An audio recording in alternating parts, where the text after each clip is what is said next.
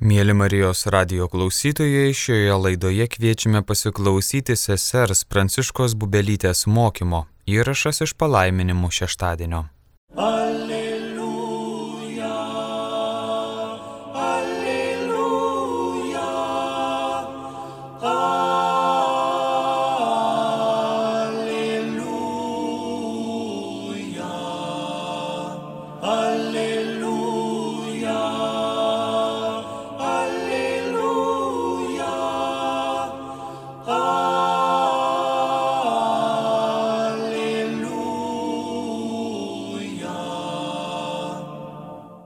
Gerbėjai Kristui, norėčiau, kad dabar matytumėt mane čia ne kaip vienuolę, bet kaip krikščionę ir katalikę. Tai bus turbūt toks didesnis bendrumas tarp mūsų. Kai išgirsit tai, ką norėčiau pasakyti, jums su kuo pasidalinti, galbūt suprasit, kodėl paprašiau, kad žiūrėtumėt ne kaip į vienuolę, kur, nu, žinot, kaip žiūrima, sako, ai, čia kunigams, vienuoliams taip, reikia kalbėti, tai taip ir kalbam. Tai įsivaizduokit, kad mums visiems reikėtų tą patį kalbėti, ką norėčiau pasakyti jums šiandien. Tema. Broliai, nebūkite vaikai išmanimu. Apaštalas Paulius paliko tarsi tokią užduotį. Nebūkit vaikai išmanimu, nebūkit vaikai. O tai kuo būti? Kaip būti? Ką daryti, jeigu nebūti? Kita eilutė paaiškina. Paulius duoda tokį pozityvą. Verčiau piktybę būkite kūdikiai, o išmanimu subrendę žmonės. Man atrodo, kad didžioji dauguma šitos auditorijos esate gavę brandos atestatą, kai baigėte 12 klasių ir 11. Taip, dauguma. Ar jau buvote subrendę, subrendę žmonės, gavę atestatą? Tai va matot, mes šiandien taip pat savo dvyliktokams duodam brandos atestatus, o brandos pačios ir nėra. Reiškia, ne matematika, ne lietuvių kalba, ne kitos kalbos gamtamoksliai duoda mums brandą. Kažkas daugiau. Ir greičiausiai, kad tą brandą vis dėlto duoda išmanimas. Pabandžiau pasigilinti į visą šventraštį, ką jisai kalba apie išmanimą. Jau jūsų ganytojas truputį kalbėjo, pabrėždamas dvi ištraukas iš Naujojo testamento, bet aš panūdau nukeliauti į Senąjį testamentą. Ir didžioji tai išmintis, tokia išmanimo išmintis prasideda iš tikrųjų Senojo testamento patarlių knygoje. Praktiškai nuo pat pradžios. Pirmas skyrius rašo Saliamono, Dovido sūnaus, Izraelio karaliaus patarlės. Kad žmonės brangintų išmintį ir pamokymą, suvoktų prasmingus posakius, pratintųsi išmintingai elgtis būdami teisūs, teisingi ir dori. Kad neišmanėliai būtų pamokyti sumanumo, jauni žmonės žinojimo ir apdairumo. Ir toliau sako, kaip ilgai neišmanėliai būsite tokie nemokšos. Kaip ilgai šaipūnai mėgausis pašaipomis ir kvailieji nekes žinojimo. Žinojimas ir neišmanimas šiuo atveju čia yra pavartoti kaip sinonimai. Man atrodo, kad žinojimas kažkiek ir skiriasi nuo išmanimo. Žinojimas yra žinių įėmimas į save. Tiesa? Žinios, kažkas su žiniomis, kažkokia yra žinia. Išmanimas, atrodo, yra tų žinių konvertavimas į gyvenimą. Pritaikymas, praktinis. Mes žinome daug tokių situacijų, kada atrodo žmonės žino, bet nedaro. Nieko naujo pasaulyje. Toliau cituoju patarlių knygą, nes ten sudėta patirtis Saliamono arba to, kuris užrašė šitos žodžius. Mano vaikė, klausyk mano išminties, palenk savo ausį mano supratimui, kad brangintumėj apdairumą ir tavo lūpos saugotų išmanimą. Žmonės, aš jūs šaukiu. Mano kvietimas yra visai žmonijai. Neišmanėliai, mokykitės apdairumo, buka pročiai imkitės proto, klausykitės, nes kalbėsiu apie kilnius dalykus. Iš mano lūpų ateis kas teisinga, mano burna tars tiesą. Nedorumas yra pasibjaurėjimas mano lūpoms. Visi Mano burnos žodžiai yra teisūs, juose nėra nieko sukto ar iškraipyto. Visi jie aiškus žmogui, kuris supranta, teisingi išprususiam žmogui. Imkite mano pamokymą, užuot ėmę sidabrą ir žinojimą, užuot ėmę gryną auksą. Juk išmintis yra vertingesnė už brangakmenius. Jokie rinktiniai turtai negali su jais lygintis. Aš, išmintis, gyvenu kartu su protingumu ir įgyju sveiko proto išmanimą. Gudrus žmogus slepia savo išmanimą, o kvailiojo širdis skelbia savo kvailumą. Pašaipūnas mėgina būti sumanus, bet negali, o žmogus, kuris turi nuovoką, žinojimą arba išmanimą, lengvai įgyja. Neišmanėlis tiki viskuo, ką girdi o gudrus žmogus apsvarsto savo žingsnius. Neišmanėlių papuošalas yra kvailumas, o gudrieji apsivainikuoja žinojimu. Apmuši pašaipūną, neišmanėlis gaus pamoką. Pamokysi protingą žmogų, jis įgis žinojimo. Kai pašaipūnas nubaudžiamas, neišmanėlis pasimoko. Kai protingas žmogus pamokomas, jis įgyja išvalgos. Protingo žmogaus širdis ieško žinojimo, o kvailiųjų burna maitinasi kvailumu. Protingas širdis įgyja žinojimo, o išmintingųjų ausis jo budriai ieško. Be žinojimo net uolumas nėra geras dalykas, nes žmogus, kuris skuba, suklumpa. Argi neparašiau tau 30 įsakų apie išmintingą patarimą ir išmanimą, kad pamokyčiau tave, kas teisinga ir tikra, ir tu galėtumai duoti tikrą atsakymą tave siuntusiam. Koheleto knyga rašo, tariau širdyje, štai įsigijau didelę išmintį, didesnę už visus prieš mane gyvenusius Jeruzalėje. Mano širdis uoliai kaupė visokią išmintį ir išmanimą. Toliau jis sako, Juk išminties teikiama ūksmė yra kaip pinigų ūksmė, o žinojimo nauda yra ši. Išmintis ją turinčiam teikia gyvastį. Pranašas Izaijas sako, tuomet klaidžiojantiems dvasia grįž išmanimas, murmantieji leisis pamokomi. Turi jisai vilti, atrodo, dėl tų, kurie elgesi neišmintingai. Pranašas Bauruchas Sako, suvok, kur glūdi išmanimas, kur stiprybė, kur supratimas, kad tada suvoktum, kur ilgas gyvenimas ir gyvastis, kur akių šviesa ir ramybė. Yra įdomus faktas tai, kad Naujajame testamente nuo pat pradžių apie Jėzų buvo pasakyta, konstatuota, kad jis buvo pilnas išmanimo. Evangelistas Lukas Antrajame skyriuje sako, visi, kurie jį girdėjo, stebėjosi jo išmanimu ir atsakymais. Gal dėl to Jėzus galėjo sauliaisti paprieštarauti mokiniams, ėjusiems į Emausą po Jėzaus mirties, kai jis sakė, o jūs neišmanėliai, kokios nerangios jūsų širdis tikėti tuo, ką buvo sakę pranašai.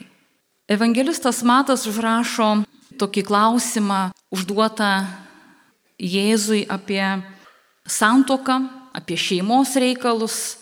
Ir Jėzus sako, yra eunuchų, kurie gimė tokie iš motinos iššių, yra eunuchų, kuriuos tokius padarė žmonės ir yra eunuchų, kurie patys save tokius padarė dėl dangaus karalystės. Kas pajėgė išmanyti, tai išmano. Taip sakant, Jis kalba čia apie tuos nesusituokiančius, tuos, kurie gyvena skaistume. Apaštalas Paulius filipiečiams rašo, ir dabar meldžiu, kad jūsų meilė vis auktų ir auktų pažinimu ir visokiojopų išmanimu, kad jūs mokėtumėte pasirinkti, kas vertingiau, kad būtumėte tyri ir be priekaišto Kristaus dieną pilni teisumo vaisių per Jėzų Kristų Dievo garbiai ir šloviai. Viskupas jau minėjo apie tai, kad neišmanimas yra nuodėmė.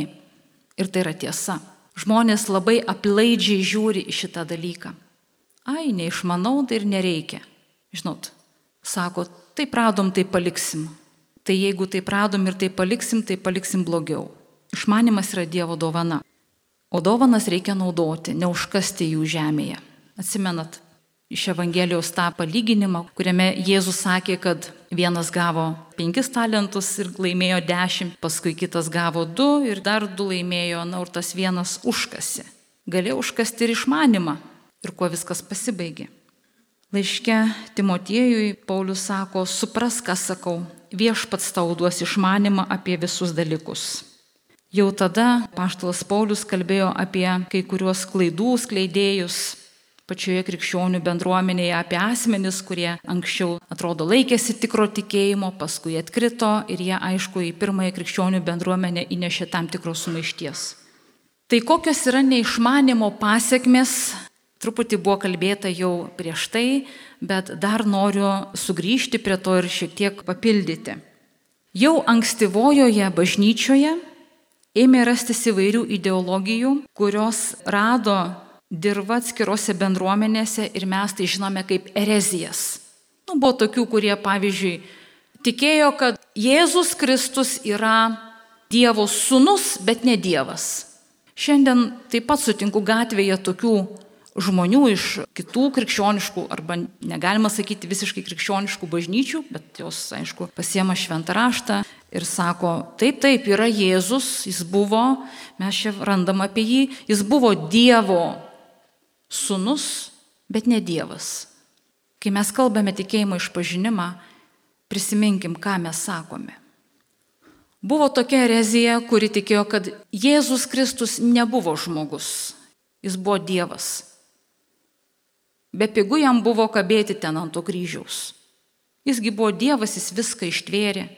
Jam viskas buvo, nu, čia tik taip žmogiškai taip parodyta, bet iš esmės tai vis tiek jis viską galėjo savo leisti ištverti. Buvo, pavyzdžiui, tokia ideologija, kaip ir šiandien mes ją sutinkame, kuris sako, neaišku, kaip ten tas Dievas. Nu, kažkas yra. Kažkas yra. Kaip ir kažkoks protas, kuris čia viską valdo. Bet kas gali pasakyti? Negalim nei pačiupinėti, nei pasverti. Kažkokia dvasia viską valdo. Mes žinome, pirmaisiais krikščionių amžiais buvo tokia ideologija agnosticizmas. Antrajame tūkstantmetyje taip pat nestigo tų erezijų. Bažnyčios istorikai aprašinėja valdiečius, katarus arba albigiečius, na ir kitokius. Visais laikais jų buvo. Dėl išmanimo trūkumo atsirado bažnyčios susiskaldimai, naujos šakos ir bendruomenės. Dievo valia nėra, kad būtų tiek daug bažnyčių. Dievo valia yra, kad būtų viena bažnyčia. Jėzaus Kristaus įkurta. Taip kaip mes išpažįstame ir tikėjimo išpažinime. Bet matom, kas atsitiko su žmonėje per daug metų ir tą ilgą istorinį laikotarpį. Tokie reiškiniai šiandien taip pat vyksta. Dar daugiau neišmanimas apima ne tik tikėjimo sferą, bet ir visą visuomeninį gyvenimą. Nes kaip žmogus masto, taip jis ir tiki. O kaip tiki, taip jis gyvena. Čia dabar mums visiems yra galimybė pasitikrinti. Galiu pailustruoti tokią istoriją, sakyčiau, tikra. Žinot, sekmadienį po mišių močiutės dar tokios girdinčios uolios išeina iš šventorių, kalbasi. Ai, tai gražiai kunigėlis kalbėjo, ai, tai gražiai jau pamokslas buvo toks gražus, taip jis gražiai kalbėjo, taip gyvai, taip. Jisai kalbėjo tai apie amžinai gyvenimą, apie prisikėlimą. Nu tai va, kalbėjo jisai apie tą prisikėlimą, bet Žinai, tarp mūsų kalbant, o kas ten žino? Niekas iš ten netėjo, niekas nepasakė. Žinote tokį dalyką. Man atrodo, kad sutinkat savo aplinkoje taip pat. Ir žinot ką? Tas tikrasis tikėjimas bus ne tai, ką šitos moteris išpažino po klebono homilijos, kai reikėjo visiems garsiai pasakyti, į ką tikiu, bet tai, apie ką jos pasikalbėjo už durų. O kas ten žino? Niekas iš ten netėjo. Atėjo ir pasakė, ir vis tiek netikim. Jėzus Kristus atėjo ir pasakė. Ir jisai nemelavo, bet turbūt kažkodėl patogiau yra netikėti. Dėl mūsų neišmanimo arba dėl baimės įsipareigoti. Juk reikės kažką keisti tada. Turiu pasakyti, kad ir sąžinė taip pat yra labai susijusi su išmanimu ir žinojimu. Jeigu tarp jūsų yra tikybos mokytojų, tai turbūt savo vaikus mokote, kad sąžinė tai yra Dievo balsas žmoguje. O ar žinote, ką katalikų bažnyčios katekizmas sako apie tai, kas yra sąžinė? Gal kas nors perskaitė? Ten neparašyta, kad tai yra Dievo balsas žmoguje. Ten parašyta, tai yra proto sprendimas atitinkamų momentų įgalinantis daryti arba liepiantis daryti gerą ir vengti blogą. Proto sprendimas. Ne jausmų, ne emocijų, ne taip, kad, kaip aš įsivaizduoju, bet proto sprendimas. Reiškia, kokia didžiulė dovana yra protas ir kaip mes esame atsakingi už tai, kaip jį turime lavinti.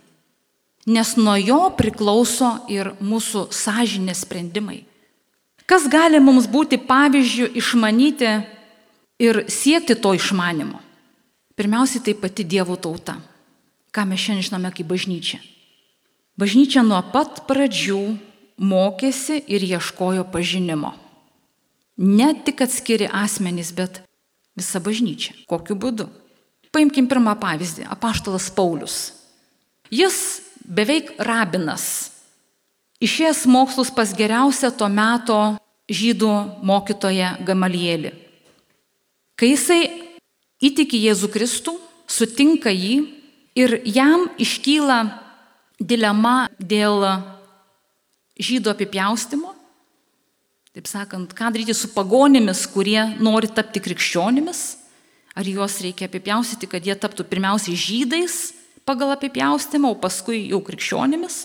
Paulius nepasitikė, taip sakant, neleidžia savo vadovautis savo nuosavo protu ir savo tuo buvusiu išsilavinimu, nors greičiausiai jisai tikrai žinojo, koks yra atsakymas. Pagal savo santykių su Jėzumi, pagal savo tikėjimą, kad jisai visą tą mokslą tiesiog paliko ir pradėjo naują gyvenimą, visiškai naujai, su visiškai naujų mąstymu. Taigi jisai nepasitikėjo tuo, ką jisai žinojo, arba ką nujautė, arba ką suprato, bet jis, būdamas labiau išsilavinęs negu pirmieji apaštalai, kurie buvo viso labo daugiausiai tik žvėjai, jis eina pas juos į Jeruzalę ir klausia, ką jūs manote. Čia įvyko Jeruzalėje pirmasis visuotinis bažnyčios susirinkimas. Reiškia, bažnyčia mokėsi vieni iš kitų, klausė ir ieškojo to tikriausio sprendimo. O ne tai, kad aš atėjau, pasakiau ir dabar visi turi tą priimti. Žiūrėkim toliau. Pirmoji krikščionių bendruomenė vadovavosi apaštalų tikėjimo išpažinimu. Kas prieėmė pirmąją komuniją, dar atsimenat gerai, mes čia kiekvieną sekmadienį ilgą laiką po homilijos kalbėdavom tą apaštalų tikėjimo išpažinimą. Ir staiga ganytojai vieną dieną paskelbė, nuo šiol melsimės kitokį.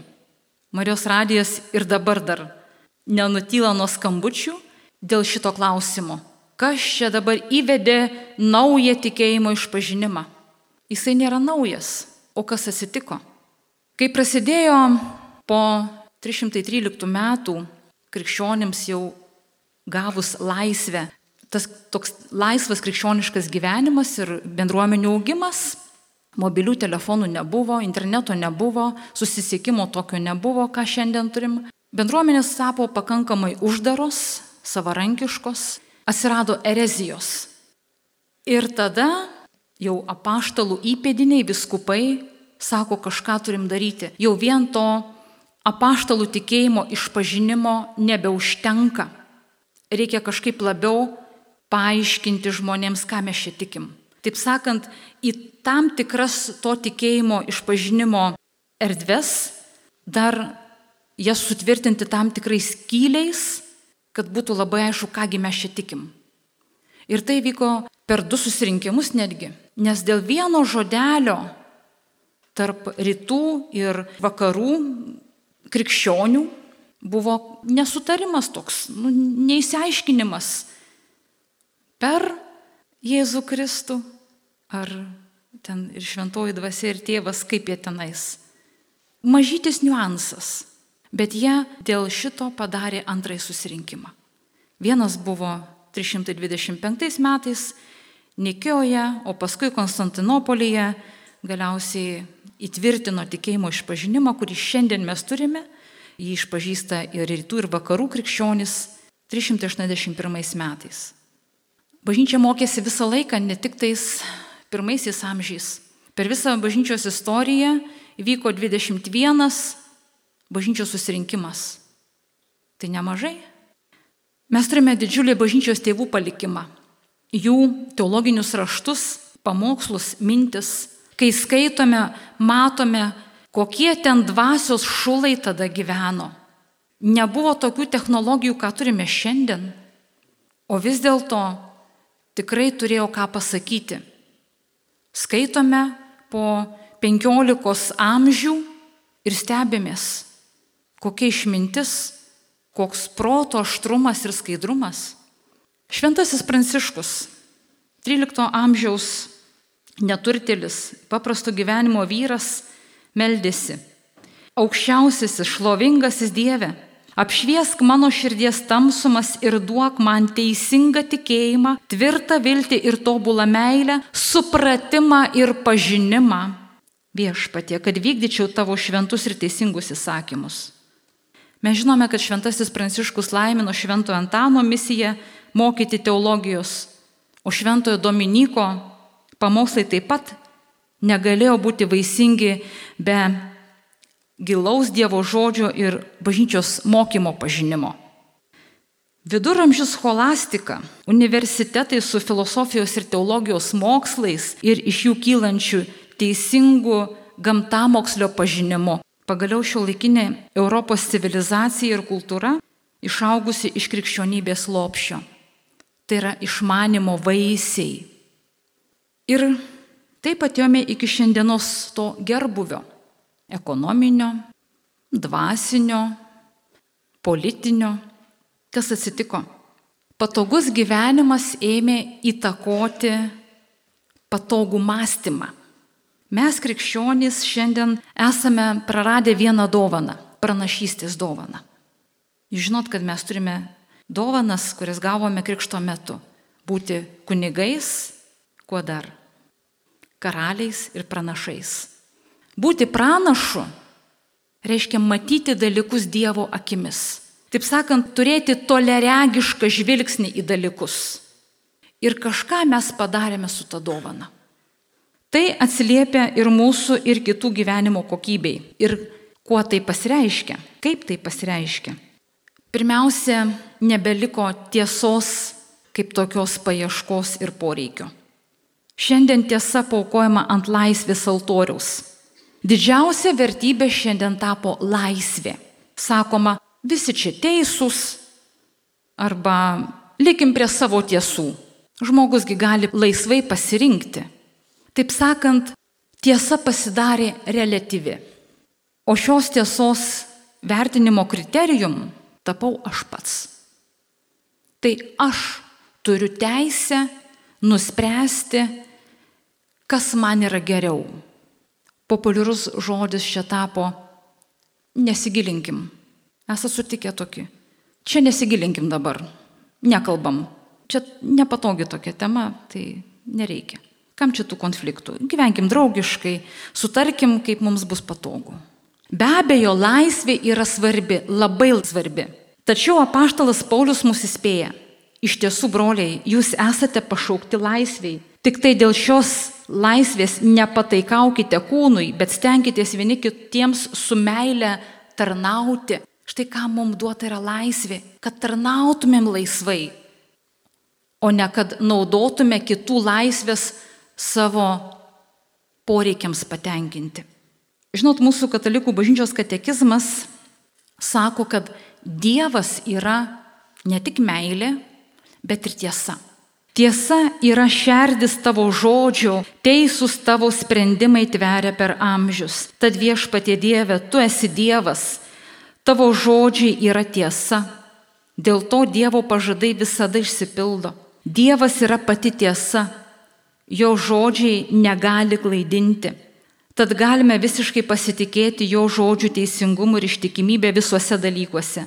Žmogaus nuodėmės ir nuopolio pradžia buvo gundytojo, kuris pakurstė suabejoti Dievo žodžiu, jo palankumu ir ištikimybė - melas. Dievo tiesa yra ir jo išmintis, kuri vadovauja visai pasaulio sukūrimo ir valdymo tvarkai. Dievas vienintelis sukūręs dangų ir žemę, vienintelis te gali leisti autentiškai pažinti sukurtų daiktų santykis su juo. Dievas sako tiesą ir apreikšdamas save. Dievo pamokymai yra tikras mokymas ir savo sūnų įsiuntė į pasaulį, kad liudytų tiesą. Mes žinome, kad Dievo sūnus yra atėjęs ir suteikęs mums nuovokos, kad pažintume tikrąjį Dievą. Taigi laisvė be tiesos yra krypties toka. Ji nežino, kur eiti. O tiesa yra. Jėzus sakė netgi, aš esu kelias, tiesa ir gyvenimas. Reiškia, visų dalykų vertinimo matas turėtų būti Jėzaus Kristaus asmuo, jo palikimas ir jo mokymas. O ne tai, kad, nu tai čia likim prie savo tiesų. Tiesa yra viena. Ir kas sako, kad yra daug tiesų, tai yra tiesiog nelogiška. Tai prasilenkia su sveiku protu. Tiesa nukreipia laisvę teisingą linkmę, ją įgalina motivuoja. Žmogus ieškantis tiesos yra ir brandus, ir drasus žmogus. Reikia prisiminti, kad minėtasis tas relativumas ir problemų nesprendžia. Jas atideda ateičiai. Tarsi savaime kažkaip išsispręstų. Nu, žinot, čia nesiginčysim, dabar nesigilinkim čia į tuos visus reikalus, kažkaip atidėkim. Tačiau iš patirties žinome, kad savaime auga tik pikžolės. Ir tą turim visada prisiminti. Savaime auga tik pikžolės. Neatsakinga laisvė tampa liberalizmu. Žinomas šitas žodis. Jisai pasireiškia tokiais dalykais kaip pavyzdžiui tolerancija. Tolerancija skirtingoms vertybėms, net jei jos yra ne per prievartą. Bendrų universalių vertybių čia nebėra, kaip pavyzdžiui klasikinėme mąstyme tai buvo gėris, grožis, teisingumas, tiesa, apie tai nekalbam.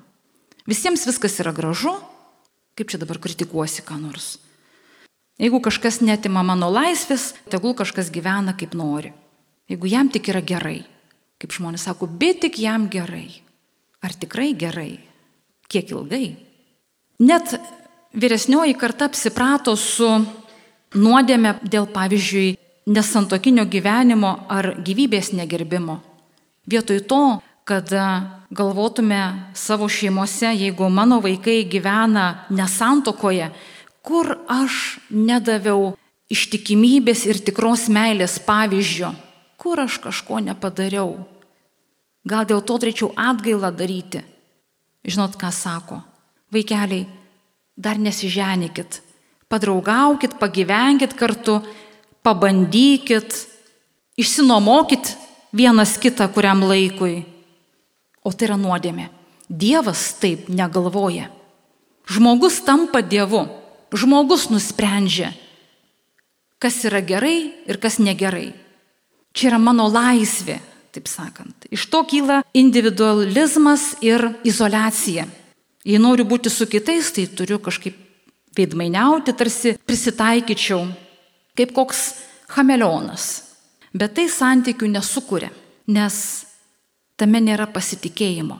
Nėra tiesos žmoguje, Nes jis nesivadovauja tiesa, jisai nelipa laiptais, jis plūduriuoja kažkur vandenyje ir žiūri, kur čia tos srovės praeina šiltesnės ar vėsesnės pagal jo poreikius. Šitokioj ideologijoje net žmogus netraktuojamas yra kaip asmuo. Individas, sako. Atkreipkite dėmesį. Individas. Kaip koks nors kitas eilinis gyvis. Mano teisų viešpatavimas esti kitų sąskaita. Pareigos, apie jas nekalbam. Tai atgyvena. Nebemoderniška. Laisvė pakeičia moralę, o tai reiškia, kad ir gyvenimo būdą. Kitų poreikiai yra mažiau svarbus negu mano. Nes, matai, aš turiu išsiskleisti. O jeigu kitas nemato reikalo, tai čia jo problemos. Bet apie bendrąjį gėrį mes negalvojam. Svarbiausia, kad būtų kažkoks dalykų naujumas. Nes jeigu ne naujoviška, jeigu ne modernu, jeigu ne šiuolaikiška, tai yra atgyvena. Dvokia naftalinu, sako tavo vertybės. Nors tai yra per amžių amžius patikrinta išmintis. Dialogo nebuvimas. Kita greit apkaltinu dogmatizmu ir netolerancija. Ir čia didžiausias pavojus šiandien grėsia bažnyčiai. Tik bažnyčia pabando kur nors pasakyti, ką nors stop gyvybės išnaudojimui. Tuoj sakoma, kad čia va bažnyčia kišasi. Čia tie viskupai neduoda ramybės mums, čia neleidžia mokslinio progreso. Ir mes visi už tai esame atsakingi, kiekvienas iš mūsų. Nes ta ideologija yra, žinot, kaip gyvatė rojaus sodė.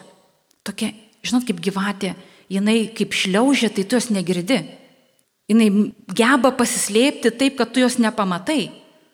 O atneša tam tikrą žinę labai labai taip rafinuotai. Dialogo nebuvimą vadiname pluralizmu. Daug gražių, protingų nuomonių, bet daugiau nieko. Visi turi teisę išsakyti savo nuomonės. O kas už to, nebūtina čia kažką daryti, kažkokių sprendimų.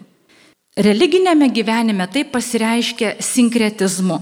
Tai yra, kai iš daugelio įvairių religijų atsirenku, kas man patogu ir naudinga. Nu, va, New Age, pavyzdžiui, religija. Tiesos nebuvimas paralyžiuoja bet kokį susikalbėjimą, o kartu ir problemų sprendimą. Gal dėl šios priežasties žmonės šiandien taip labai skiriasi ir išsivaikšto kas savo. Tai kur veda toks gyvenimas? Ar čia yra įmanoma žmonijos pažanga? Ar tokiu mąstymu yra kuriamas bendrasis gėris? Kažkas statoma naujo po mūsų kartos praėjus šimtui metų bus ką parodyti ateičiai. Štai kur mums reikia išmanimo. Antraip liekame nuodėmėje. Išsigelbėjimas yra. Išsigelbėjimas yra Dievo žodžio skaitimas su atsidėjimu ir meile. Reikia nebijoti pasakyti tai, ką Dievas sako, man aš tai sureikšminau. Jūs turite tokią teisę pasakyti aš tai sureikšminau. Tai yra mano laisvė. Čia. Ir žinot ką? Tada Dievas mane gins. Jis pats stovės dėl mano reikalų.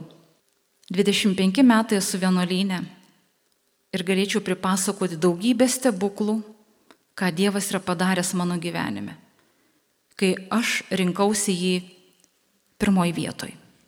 Su Dievo žodžiu mes Turime ugdyti savo protą, nuolat studijuoti, lavinti, skaityti, gilintis ir ieškoti tiesos. Turiu prisipažinti, kad tikrose studijose dabar jau esu ketvirtą kartą. Vis dar studijuoju. Ir aš galvoju, kad gal ne veltui Europoje yra išleistas viso gyvenimo mokymosi memorandumas, kur skatina net vyresnius žmonės mokytis, skaityti, studijuoti. Žinot, turiu tokią 40 žmonių auditoriją viename mieste. Trečio amžiaus universitetas. Dvasinio ugdymo fakultetas. Žmonės įlanko jau 10 metų. Ir jie mokosi pas mane. Ir nenustoja. Taigi, noriu pabaigti tuo, ką sako apaštalas Paulius laiške kolosiečiams. Sako, gyventi reikia tikėjimu. Taigi, kaip esate prieėmę viešpatį, Kristų Jėzų, taip ir gyvenkite jame, Būkite jame įsišaknyje ir ant jo statykitės. Tvirtėkite tikėjimu, kaip esate išmokyti, kupini dėkingumo. Žiūrėkite, kad kas jūsų nepavergtų tuščia ir apgaulinga filosofija, žmonių padavimu bei pasaulio pradmenimis, o ne Kristujimi. Ir galiausiai, sako, būkite Dievo sekėjai. Dievo sekėjai čia visiems mums. Būkite Dievo sekėjai kaip jo mylimi vaikai ir gyvenkite meilę, nes ir Kristus pamilo jūs ir atidavė už mus save kaip atnašą ir kvapę auką Dievui. Užtat ištvirkavimas, visoks netyrumas ar godulystė te nebūna jūsų net minimi, kaip pridera šventiesiems. Taip pat begėdystė, kvaila šneka ar juokų krėtimas jums tai netinka. Verčiau te būna dėkojimas. Gerai įsidėmėkite, kad joks ištvirkelis, nedorilis ar gopšas, tai yra joks stabmeldys nepaveldės Kristaus ir Dievo karalystės dalies. Tegul niekas neapgauna jūsų tuščiais plepalais. Už tokius dalykus Dievo rūstybė ištinka neklusnumo vaikus. Nebūkite jų bendrai. Juk kadaise jūs buvote tamsa, o dabar esate šviesa viešpatyje. Tad elkitės kaip šviesos vaikai. O šviesos vaisiai reiškiasi visokiojopų gerumu, teisumu ir tiesa. Ištirkite, kas patinka viešpačiui ir neprisidėkite prie nevaisingų tamsos darbų, o verčiau pasmerkite juos, nes ką jie slapčia daro gėdą ir sakyti. Bet visa, ką šviesa smerkia, tampa regima, o kas tampa regima yra šviesa. Todėl sakoma, pabus, kuris mėgi, kelkis iš numirusių ir apšvies tave Kristus. Todėl rūpestingai žiūrėkite, kaip jūs elgėtės, kad nebūtumėte tarytum neišmanėliai, bet kaip išmintingi, gerai naudojantis laiką, nes dienos yra piktos. Nebūkite tad neprotingi, bet supraskite, kokia yra viešpaties valia. Alleluja.